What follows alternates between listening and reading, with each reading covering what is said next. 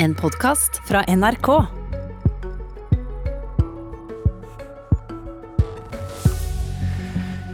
Tidenes klima- og miljøbudsjett, sa ministeren fra det grønne regjeringspartiet. Bekmørkt, sa den grønne opposisjonen. Sanninga ligger ofte en eller annen stad imellom. Og hvor på den eh, skalaen realiteten ligger, det er slikt vi har Politisk kvarter til å finne ut av. Hvorfor er dette tidenes klimabudsjett, Sveinung Rotevatn? Fordi vi etter flere år med klimasatsinger, der utslippene nå har gått ned i fire år på rad, kommer med ytterligere 11,2 milliarder kroner til viktige klimatiltak som jernbane, som kollektiv og ikke minst det største klimaprosjektet i norsk industrihistorie, karbonfangst og -lagring. Hvorfor er dette budsjettet bekmørkt, Une Bastholm? Fordi vi lever ikke lenger i en tid hvor vi kan være fornøyd med at utslippene går ned og ikke opp. Det er jo selvfølgelig bra at de peker nedover, men det er noe vi må forvente i vår tid. De går ikke ned fort nok. Og I det budsjettet her så aner vi for så vidt ikke konsekvensene av akkurat det budsjettet, men det står jo svart på hvitt at fram mot 2030 så vil vi ikke engang komme halvveis til målet som Norge har satt.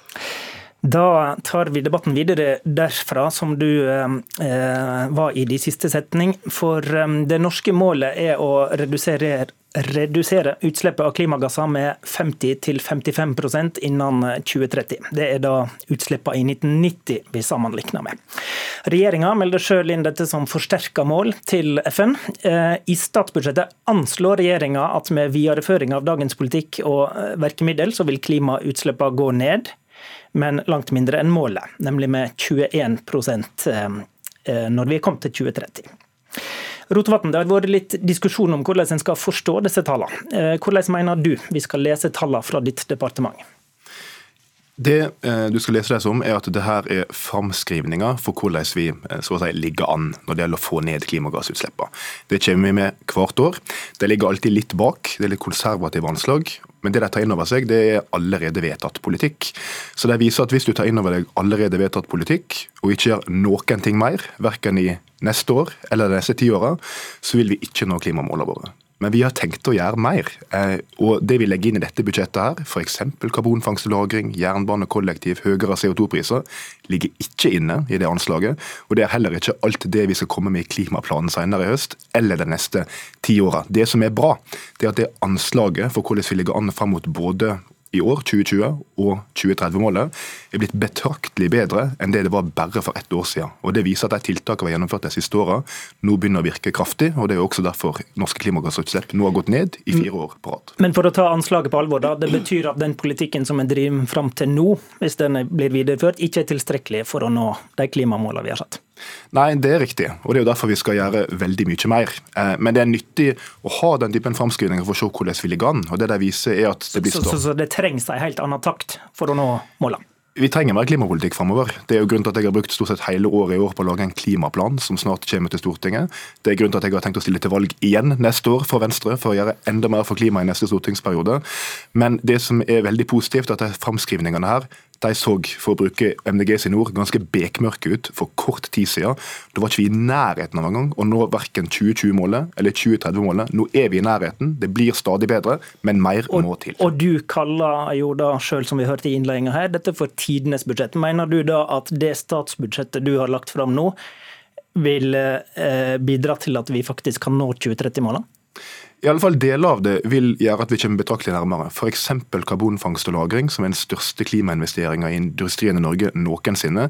Det vil i seg selv bidra til betraktelige kutt av CO2-utslipp. Ingenting av det ligger inne i framskrivningene fram mot 2030, for det er ikke vedtatt ennå. Men når det er vedtatt i Stortinget, når vi ruller det ut, så er det ett eksempel på et tiltak vi trenger, og som vil virke kraftig både på klimakutt i Norge, men forhåpentligvis også internasjonalt. Fordi det vi skal gjøre i Norge på klimafronten, det skal også bidra til globale klimakutt. Okay, det vil CCC må å få klarhet i dette her. Tenker du takten med statsbudsjettet for 2021 er god nok til å nå 2030-målene? Hvis vi begynner med 21-budsjettet og fortsetter i den takten, da? Altså jeg tror at Hvis vi fortsetter å skjerpe opp klimatiltakene så mye som vi gjør i neste års budsjett, i hvert eneste budsjett framover 2030, da er jeg definitivt optimist. Men det er ti år fram dit. Det er mye politiske diskusjoner som skal has fram mot det tidspunktet.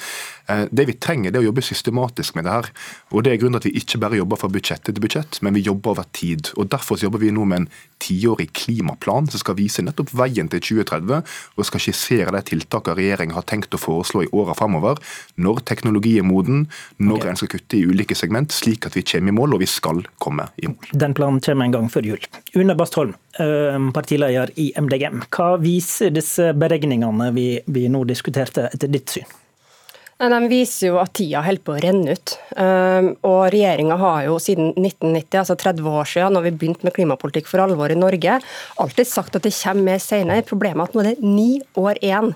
Og De målene vi har satt oss for 2030, eh, det er jo lett å tenke at det er et politisk mål, og vi, Stortinget klarer jo hele tida å bryte sine egne mål. Eh, men det her er mål som er satt pga. fysiske kjemiske endringer i atmosfæren som truer liv og helse for ungene våre og alle de framtidige generasjonene som ikke er født. Altså i mange generasjoner framover. Og tida holder på å renne ut. Eh, og jeg tenker at det er jo bekmørkt i seg sjøl at det her jo sannsynligvis eh, er det beste klimabudsjettet så langt. Men okay, på ingen måte det, altså. Ja, jeg mener begge deler er sant. Det er bekmørkt fordi det skulle vært veldig mye mer. Og for meg er det helt uforståelig at ikke de tiltakene som man ser for seg at skal komme neste år da, i klimaplanen, ikke er finansiert for i dette budsjettet. Fordi vi har visst siden 1990 hva, hva hvilke om, tiltak eh, som, Ja, det vet jeg jo ikke hva Sveinung Rotevatn kommer med i sin klimaplan. Ja, sånn, ja. Men når vi, når vi, sier at det ikke kommer nok tiltak her til å komme, eh, komme i mål, så er jo svaret fra regjeringa det har det vært i veldig mange år at det kommer mer. Nå er det det kommer mer neste så, år. Så du tror ikke det Rotevatn sier da? Han sier at hvis, hvis det han gjør i 21-budsjettet og den takten fortsetter, så er det mulig å nå 2030-målet? Problemet er at vi har sett gang på gang at regjeringa ikke er villig til å gjøre det som virkelig teller, og som klimaforskerne er veldig tydelige på.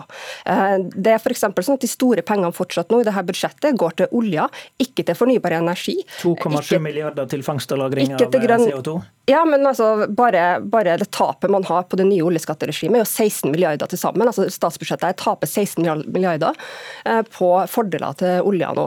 Det går ikke til fornybar energi, det går ikke til grønn skipsfart. Havvindsatsinga er nødt til å klare seg helt sjøl, bortsett fra noen penger til forskning og utvikling. Ingenting til å få i gang utbygging av havvind.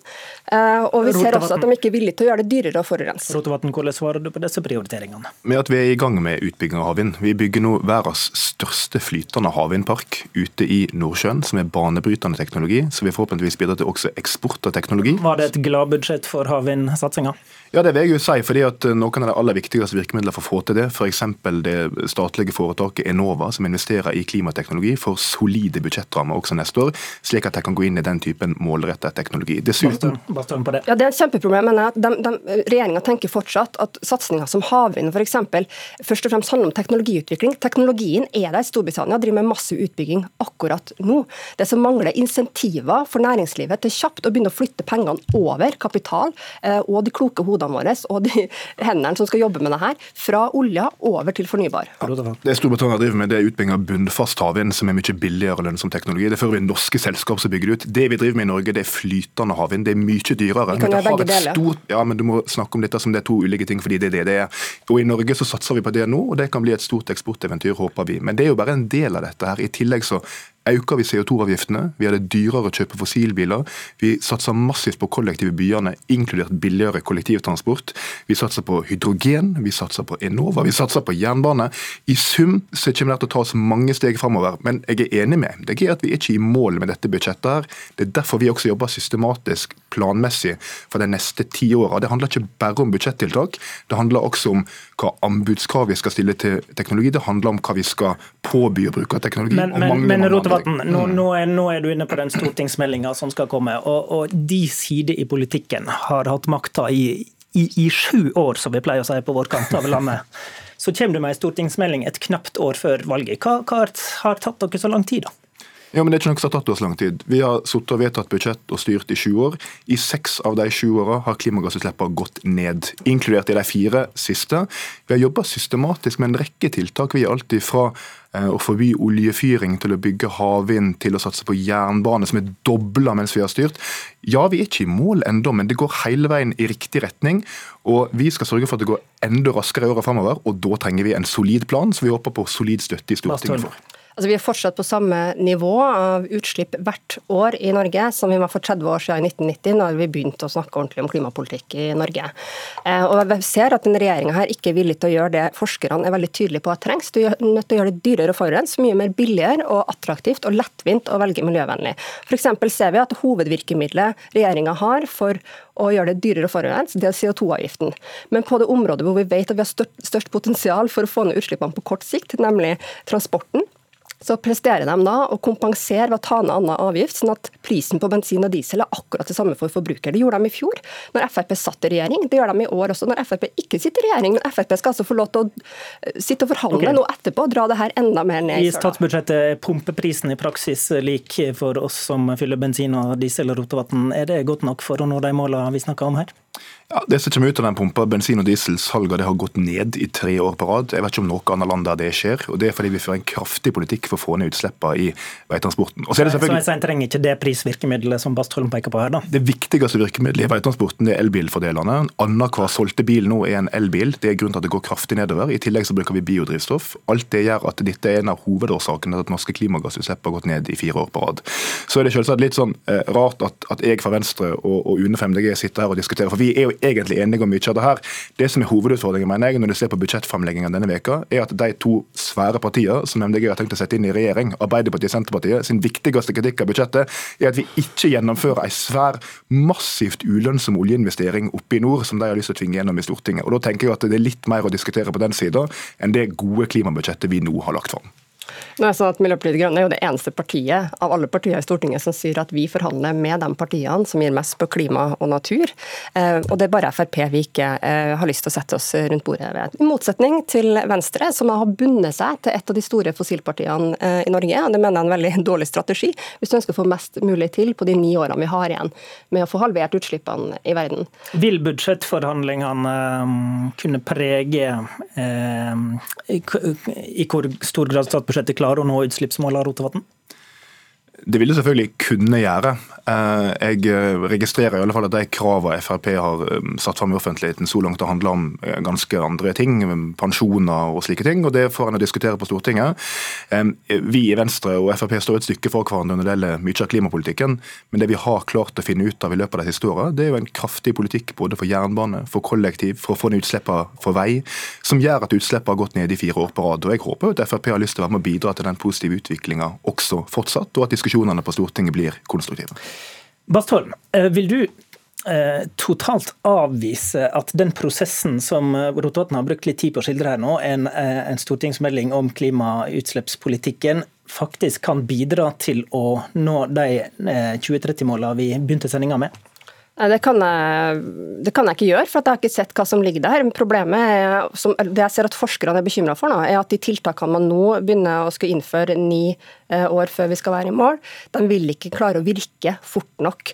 Det er jo noen typer tiltak men, men som vi vet virker. Betyr det at du er uenig i den prosessen regjeringa og Rotevatn legger opp til? Fordi han, han, han, argumenterer for en grundig prosess der man har fått et dokument som heter Klimakur, og så skal man lage politikk ut fra det som viser hvordan vi kan få utslippene de neste ti. Man kan ikke være uenig i prosessen, den bare har vært vært helt unødvendig. fordi vi har altså siden 1990 Du kan ikke være uenig i prosessen, men den har vært unødvendig. Hva betyr det? Fordi vi har hatt kunnskap så lenge om hva som trengs for å kutte utslipp. Det er ikke sant at vi har mangla kunnskap og ikke mangla teknologi. Vi mangler heller ikke vilje i befolkninga lenger for å få til det klimaløftet som vi trenger for å nå målene. Altså Åtte av ti nordmenn svarer i undersøkelser at de er villige til å endre hverdagen sin eh, dersom det gjør at de bidrar til å kutte utslipp. Så den langsiktige prosessen han holder på med er unødvendig?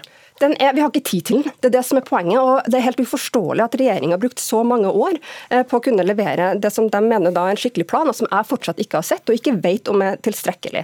Eh, de klarer heller ikke å levere ordentlig oversikt i budsjettene sine, selv om det er en klimalov som pålegger dem det, for hvordan uh, utslippene vil se ut med det budsjettet de leverer. Så vi har en regjering som altså lover veldig mye, men som vi fortsatt ikke har sett at leverer, sånn at vi klarer å nå de målene som er kritiske for ungene våre. Vi har levert, utslippene går ned. og når vi har sagt det tidligere år, så har MDG sin kritikk vært at ja, utslippene går ned, men vi trenger en ordentlig plan for hvordan vi skal nå målene våre. Når vi Nei, nå jobber med en ordentlig plan for hvordan vi skal nå målene våre, så får vi høre at det er liksom unødvendig tidsbruk. Jeg tror vi skal klare å gjøre begge deler. Vi skal levere bunnsolide budsjett hvert eneste år, men vi må også tenke langsiktig, bl.a. fordi at det er en del teknologi som det tar tid før blir moden, men nå må vi ha planer for hvordan den skal bli fasa inn for å kutte utslippene der vi fortsatt ikke har gjort nok, f.eks. tungtransport, f.eks. landbruk, f.eks. deler av industrien vår. Rotevatns plan kommer en gang eh, før jul, har han lova. Takk til Une Bastholm, takk til Sveinung Rotevatn. Programleder i dag var Håvard Grønli.